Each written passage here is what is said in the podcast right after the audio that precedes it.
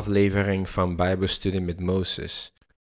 Goed dat je luistert en goed dat je ingetuned bent op onze podcast.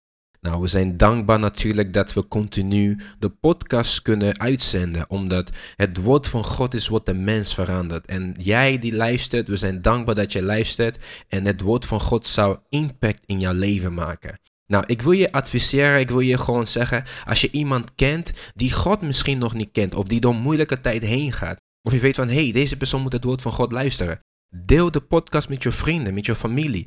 Want je weet niet wat de podcast doet in de harten van de mensen. We hebben wel eens getuigenissen binnen gehad van mensen die, die door moeilijke momenten heen gingen. En ze gingen luisteren naar de podcast en ze werden beter. Waarom? Omdat Gods woord is hetzelfde. Gods woord brengt verandering in jouw leven. En Gods woord werkt altijd. Nou, goed dat je ingetuned bent. Vandaag gaan we beginnen met een ander onderwerp. We hebben vorige keer gehad over genezing. En als je nog niet hebt geluisterd natuurlijk naar al onze andere afleveringen, ga dat even rustig aan luisteren. Dus we hebben, meerdere onderwerpen op Spotify. Dus luister gewoon daarna en je geloof wordt opgebouwd. Nou, vandaag gaan we dus hebben over fundamentele waarheden over de christen. Nou, de fundamenten zijn zo belangrijk. Heel vaak willen wij nieuwe dingen horen. Heel vaak zeggen wij: Ja, laat me iets nieuws horen. Geef me iets diepers. Maar als je fundament niet goed staat, als je niet weet waarom je gelooft wat je gelooft, dan als er stormen komt, dan ga je vallen. De Bijbel zegt dat twee huizen waren gebouwd. En toen stormen kwam, de persoon die in het woord van God geloofde en het woord gebruikte, die persoon, zijn huis bleef staan. Maar de andere die het woord van God hoorde, maar niks ermee deed, dus hij bouwde zijn leven niet op het woord van God, die persoon, zijn huis, ging kapot door de storm. Nou, het woord van God is zo cruciaal en je fundamenten moet voor jou duidelijk zijn. Wat zijn de fundamenten? Wat geloof je? En in deze podcast ga ik met jou hebben over de fundamentele waarheden over de christen. Ik heb er meerdere staan, dus we gaan niet alles binnen één podcastaflevering doen. Maar als je blijft luisteren, dan zul je zien dat de fundamentele waarheden van de christen is zo cruciaal. Nou, het is dus belangrijk om te weten wat je gelooft en waarom je gelooft wat je gelooft. Nou, dit zijn de punten van mij die heel fundamenteel zijn. Dit zijn de punten waar ik zo vaak over na heb gedacht en ik weet, ja, dit is wat ik geloof en niemand kan het van mij afpakken. Nou, de nummer één punt over de fundamentele waarheden over de christen is nummer één. Gods liefde voor jou en in jou. Ik heb mezelf een paar vragen gesteld. Ik zeg, hoeveel houdt God van ons? Hoeveel houdt God van de mens? Hoe groot is Gods liefde voor ons? En wat betekent het voor mij dat God van mij houdt? Dit zijn dingen die je zelf moet afvragen. Nummer 1, houdt God echt van de wereld? En nummer 2, hoeveel houdt hij van de wereld? En nummer 3, wat betekent het dat God van mij houdt? Als je deze fundament hebt, als je deze drie vragen kan beantwoorden voor jezelf, dan sta je sterk in Gods liefde. Nou, als je ervan nadenkt dat als God van je houdt, als God echt van je houdt en je gaat ontdekken hoeveel hij van je houdt, dan ga je zo verzekerd door het leven. Nou, laten we lezen in het boek van Romeinen 5 vers 8. Romeinen 5 vers 8 zegt het volgende. Maar God heeft ons zijn grote liefde getoond door Christus te sturen en hem voor ons te laten sterven toen wij nog schuldig zonders waren. Ik lees het opnieuw, Romeinen 5 vers 8. Maar God heeft ons zijn grote liefde getoond door Christus te sturen en hem voor ons te laten sterven toen wij nog schuldig zonders waren. Dus met andere woorden, wij wilden niks te maken hebben met God. Wij zochten niet naar Hem. We waren niks met Hem bezig. Maar de Bijbel zegt dat had zijn Zoon gestuurd, Jezus Christus, om voor ons te sterven toen wij niks met Hem te maken wilden hebben. Dus Hij hield al van ons toen wij nog niet van Hem hielden. Zijn liefde voor ons is niet gebaseerd op wat wij hebben gedaan. Zijn liefde voor ons is gewoon uit zichzelf. Niks wat je kan doen zal Gods liefde voor jou veranderen. Dat zeg ik nog één keer. Niks wat je kan doen kan Gods liefde voor ons veranderen. Nou, laten we even een andere tekst lezen. 1 Johannes 3 vers 1 zegt de Bijbel, wat heeft de Vader geweldig veel liefde voor ons. Wauw. Wat heeft de Vader geweldig veel liefde voor ons. Wij heten niet alleen zijn kinderen, wij zijn het ook. De mensen die God niet kennen, begrijpen daar niks van. Nou, je moet weten dat ik praat nu over iemand die Jezus in zijn hart heeft aangenomen. Kijk, de Bijbel zegt dat als jij Jezus nog niet hebt aangenomen, dan is God nog niet jouw vader. Dan ben je eigenlijk een kind van Satan. Maar Jezus heeft gezorgd, hij heeft eigenlijk alles voor gedaan, zodat iedereen een kind van God kan worden.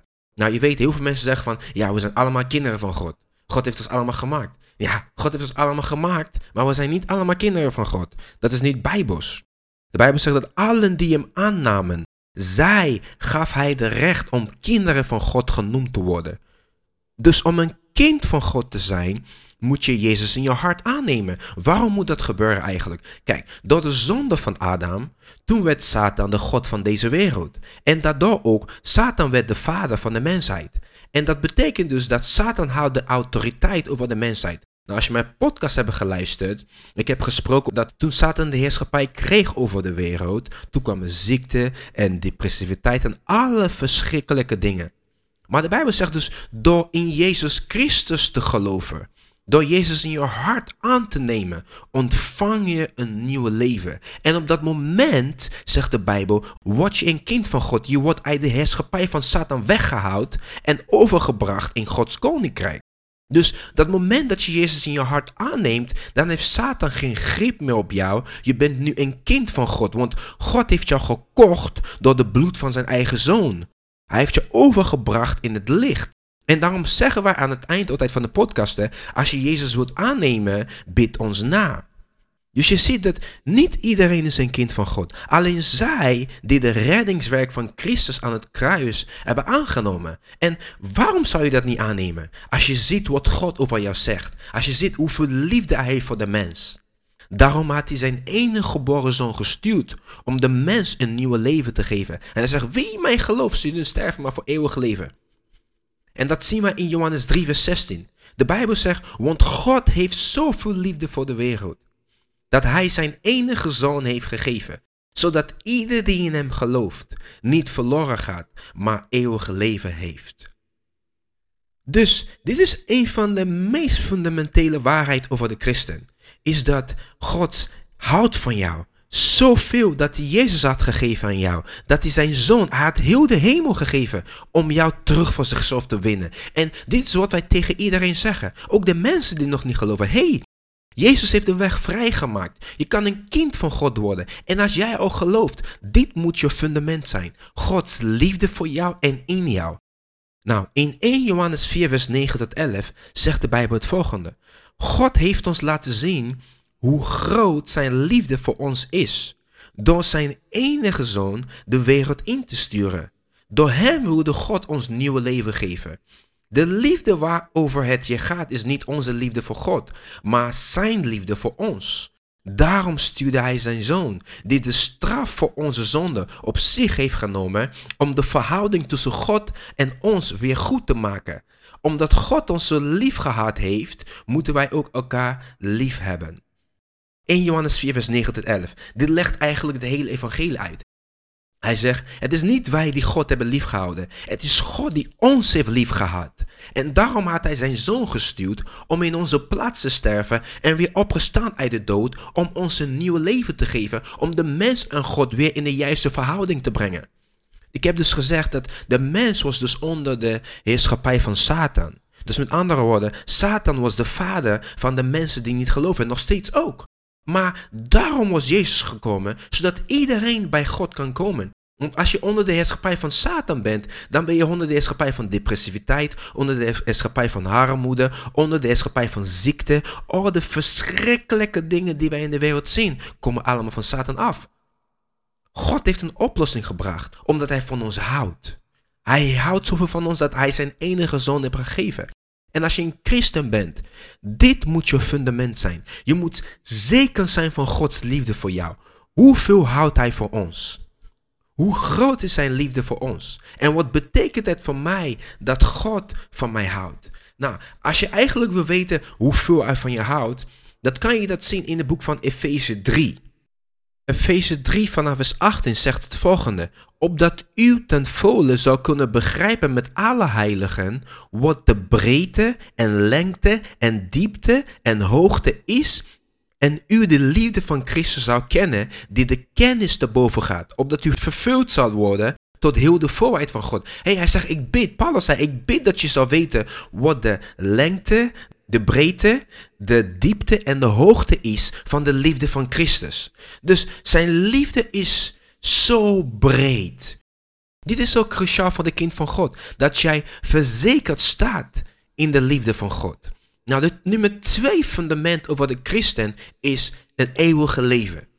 Je hebt eeuwige leven ontvangen. De dag dat je in Jezus bent komen te geloven. De Bijbel zegt dat je ontvangt een eeuwige leven. Nou, wat is het leven? Wat is het eeuwige leven? En wat zegt de Bijbel over het eeuwige leven? Nou, meeste mensen denken dat eeuwige leven is wanneer je doodgaat. Dat is wat heel veel mensen zeggen. Van ja, eeuwige leven is wanneer je doodgaat. Nee, eeuwige leven begint nu. Weet je nog, de Bijbel zegt in Johannes 3, vers 16 van... Voor God heeft de wereld zoveel lief, dat hij zijn enige geboren zoon heeft gegeven. Opdat iedereen die in hem gelooft niet verloren gaat, maar eeuwige leven heeft. Niet zou hebben, maar eeuwige leven heeft. Eeuwige leven begint nu. Nou, wat zegt de Bijbel over eeuwige leven? In het boek van 1 Johannes 5 vers 12 zegt de Bijbel het volgende... Wie dus de Zoon van God heeft, heeft het leven. Maar wie de Zoon van God niet heeft, heeft het leven niet. Zie je dat? Dus de Bijbel zegt, als jij in Jezus gelooft, heb je eeuwig leven. En als je niet gelooft, heb je het niet. Dus met andere woorden, eeuwig leven heeft niet alleen maar met de kwantiteit van het leven te maken. Dat je voor altijd gaat leven. Ja, je gaat voor altijd leven. Iedereen gaat voor altijd leven.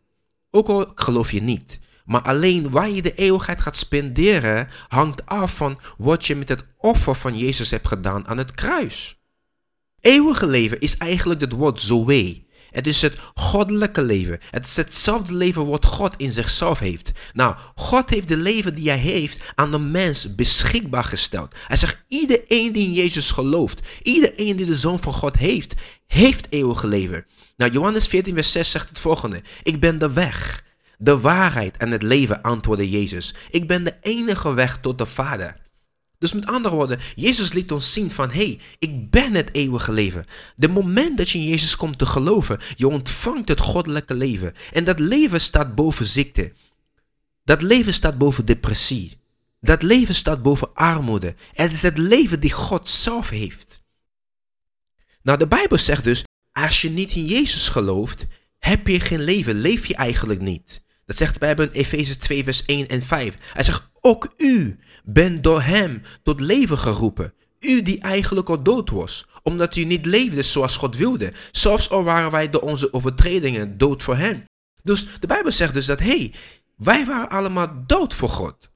Voordat Jezus kwam, was de mensheid dood voor God. Dus met andere woorden, wij waren onder de macht van Satan. En we waren afgesneden van God. Maar de Bijbel zegt dus dat Hij heeft ons samen met Christus levend gemaakt. Wat een genade dat u gered bent. Is enkel en alleen genade van God. In Efeze 2 vers 5. Dus wij waren allemaal dood voor de zonde. Maar Jezus kwam om ons een nieuw leven te geven. Dat zegt Jezus ook in Johannes 10 vers 10. Hij zegt, de dief komt alleen maar om te stelen, te slachten en verloren te laten gaan. Dan zegt hij, ik ben gekomen opdat zij leven hebben en overvloed hebben.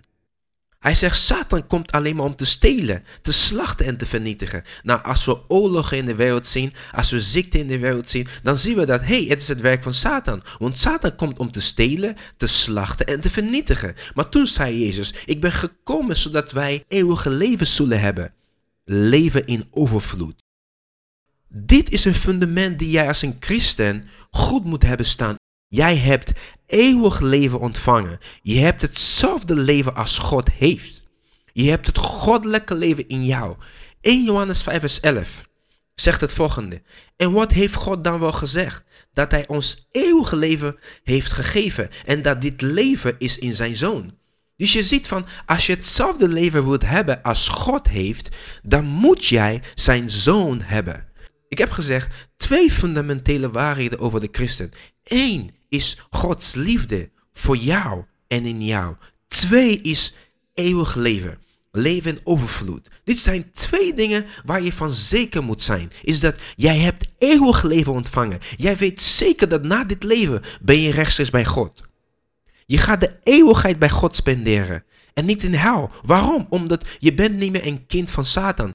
God heeft Jezus gestuurd in zijn liefde om ons vrij te kopen van de macht van Satan.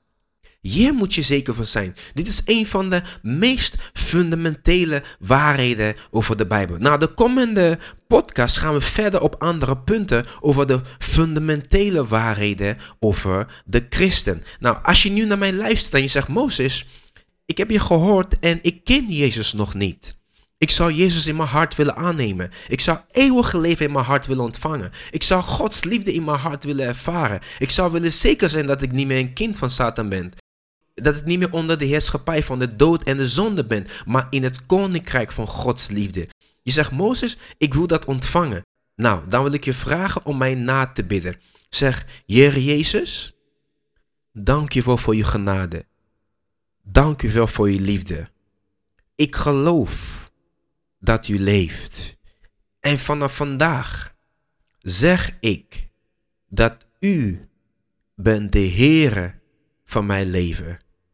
En ik geloof, ik ben niet meer onder de heerschappij van de dood en van de zonde. Ik ben een kind van God. Dank je wel, Vader. Amen. Nou, als je dat hebt gedaan, de Bijbel zegt dat iedereen die in Jezus gelooft, iedereen die Jezus accepteert in zijn hart, ontvangt nieuwe leven. Nu ben je een kind van God geworden. Gefeliciteerd. En het is natuurlijk belangrijk om, om te gaan leren wat de Bijbel zegt over jou. Wat zegt de Bijbel over jou? Daarom doen wij deze podcasten. En voel je vrij om mij een bericht te sturen via Facebook, Instagram, TikTok, WhatsApp, noem maar op. Stuur me een bericht als je vragen hebt over de Bijbel. Stuur me een bericht en ik zou zeker antwoorden.